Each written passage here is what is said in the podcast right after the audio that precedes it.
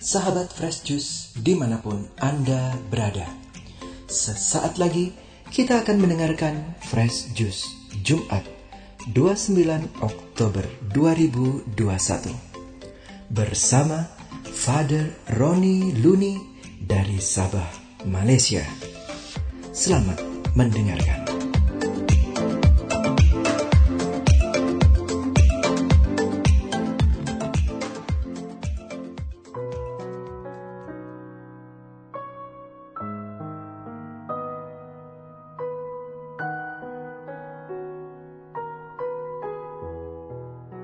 Salam damai dan salam sukacita Kristus kepada semua pendengar setia Fresius. Kepada pendengar setia Fresius, semoga sehat selalu dan tekun berkarya di mana pun kalian berada.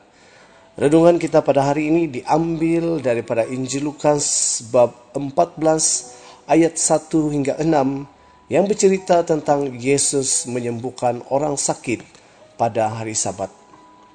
Oleh itu, marilah kita mempersiapkan diri dan hati kita dengan hening seketika untuk mendengar dan menerima kabar sukacita Tuhan melalui firman-Nya.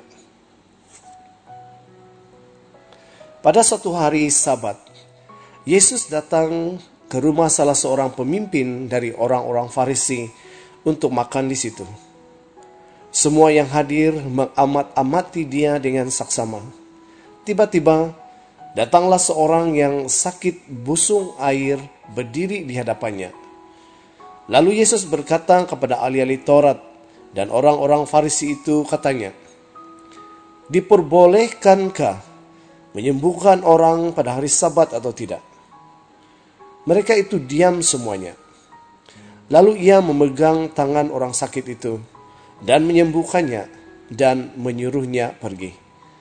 Kemudian ia berkata kepada mereka, Siapakah di antara kamu yang tidak segera menarik keluar anaknya atau lembunya kalau terperesok ke dalam sebuah sumur, meskipun pada hari sabat? Mereka tidak sanggup membantahnya. Demikianlah Injil Tuhan.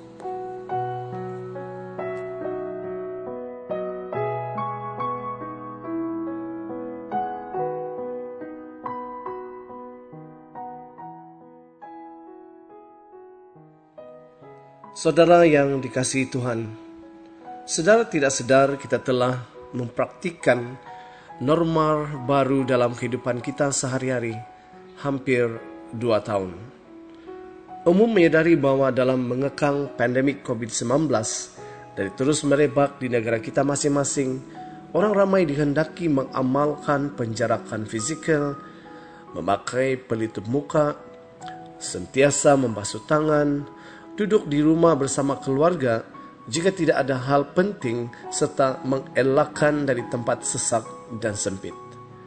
Keadaan ini sebenarnya secara tidak langsung telah mendidik masyarakat untuk patuh pada arahan kerajaan dan juga dapat mendisiplinkan diri dan keluarga masing-masing. Apa yang ingin dinyatakan di sini adalah pandemik COVID-19 dalam diam telah mengajar manusia tentang hidup beretika Persoalannya, adakah selama ini masyarakat kita hidup tidak beretika? Secara amnya, masyarakat kita sememangnya sudah dididik untuk menjadi warga negara yang beretika.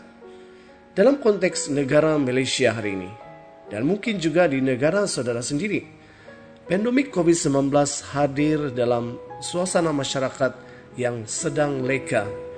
Dalam arti kata, mereka terlupa untuk mengamalkan beberapa etika yang sepatutnya mereka jaga disebabkan kemajuan sains dan teknologi. Antaranya ialah penghayatan masyarakat untuk mendekati satu sama lain kurang dipraktikan.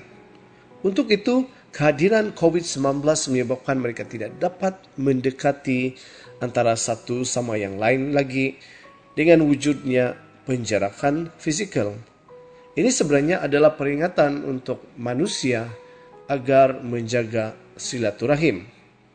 Pendek kata, kewujudan virus corona ini telah banyak mengubah norma kehidupan manusia dan mengorbankan banyak jiwa, bahkan membantu ekonomi seluruh dunia. Itu memang tidak dapat dinafikan. Tetapi setiap apa yang berlaku sudah pasti ada hikmah yang tersembunyi. Kedatangan Yesus di dunia pula bukan untuk mengubah, menghapus, atau menghilangkan hukum-hukum yang ada dan yang telah dijalani sewaktu dalam Perjanjian Lama, melainkan kedatangannya untuk menyempurnakan hukum itu sendiri dengan hidupnya, dengan perbuatan serta ajaran-ajarannya. Hukum itu memang penting untuk mengatur tata tertib suatu organisasi, suatu institusi, atau suatu masyarakat, serta memberi panduan dan norma-norma yang harus ditaati di dalam relasinya terhadap moral, adab istiadat, kehidupan sosial, dan sebagainya. Namun ini tidaklah lebih dari harga diri serta kehidupan manusia sebagai ciptaan Allah. Hukum dibuat dengan tujuan untuk kebaikan semua masyarakat atau semua umat beriman, bukan untuk menyekat langkah kehidupan setiap orang. Ini juga yang dimasukkan Yesus bahwa hukum seharusnya melihat kebaikan dan keselamatan, bukan ketidakpedulian yang membawa kematian.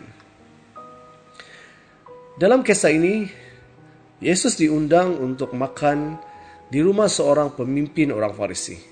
Tidak terduga pula, di situ Yesus dihadapkan dengan dua pilihan yang sulit, yaitu menyembuhkan orang sakit yang datang dengan risiko bahwa dia dianggap melanggar hukum, tidak mentaati hari Sabat, atau membiarkan orang sakit itu tidak tertolong. Lukas ingin menyampaikan kepada kita bahwa bagi Yesus yang terpenting ada keselamatan manusia di atas hukum. Lukas mau menjelaskan bahwa hidup manusia sangatlah berarti karena kita diciptakan menurut gambar dan rupa Allah serta kita pun diberi roh kehidupan yang bersumber dari Allah sendiri.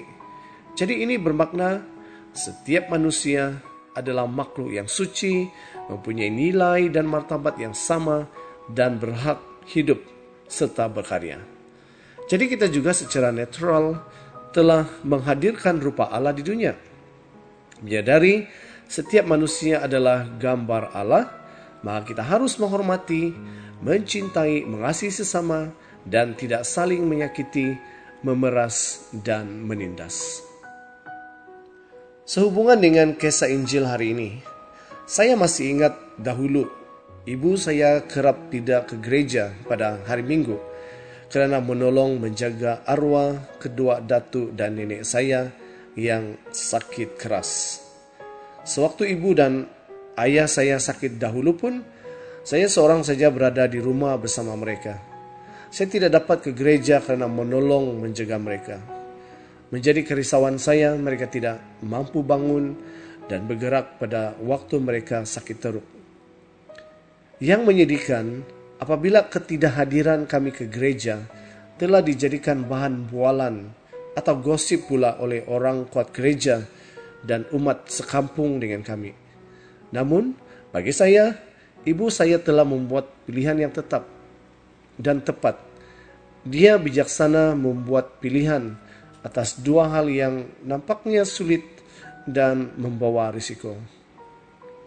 Kita juga mendapat teladan dari Bonda Maria yang lebih taat kepada kehendak Allah walaupun harus memilih risiko yang berat.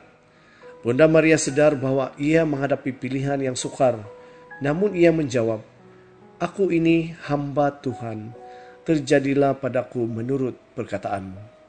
Sebab ada hukum Yahudi yang yang mengancam dirinya karena orang Yahudi akan menghukum seorang gadis yang melahirkan anak tanpa suami atau ayah.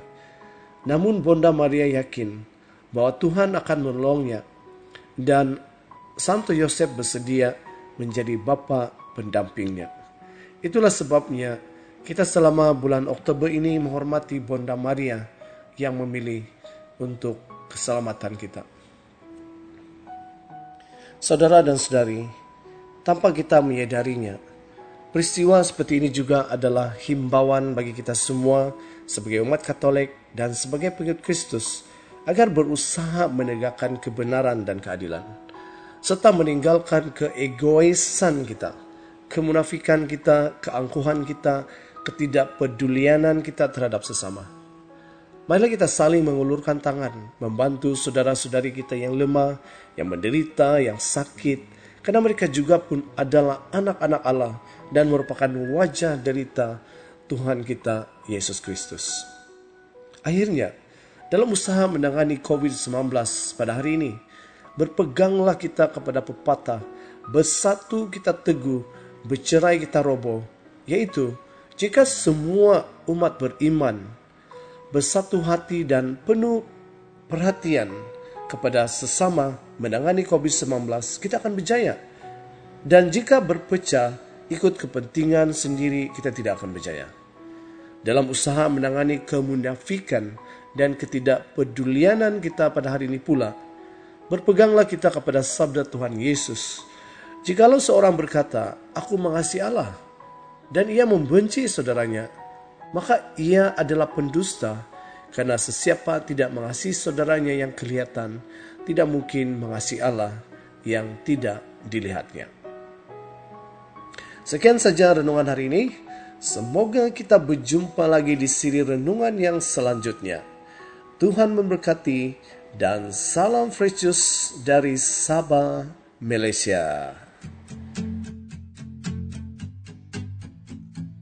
Sahabat Fresh Juice, kita baru saja mendengarkan Fresh Juice Jumat 29 Oktober 2021. Terima kasih kepada Father Roni Luni untuk renungannya pada hari ini. Sampai berjumpa kembali dalam Fresh Juice edisi selanjutnya. Jaga kesehatan dan salam Fresh Juice.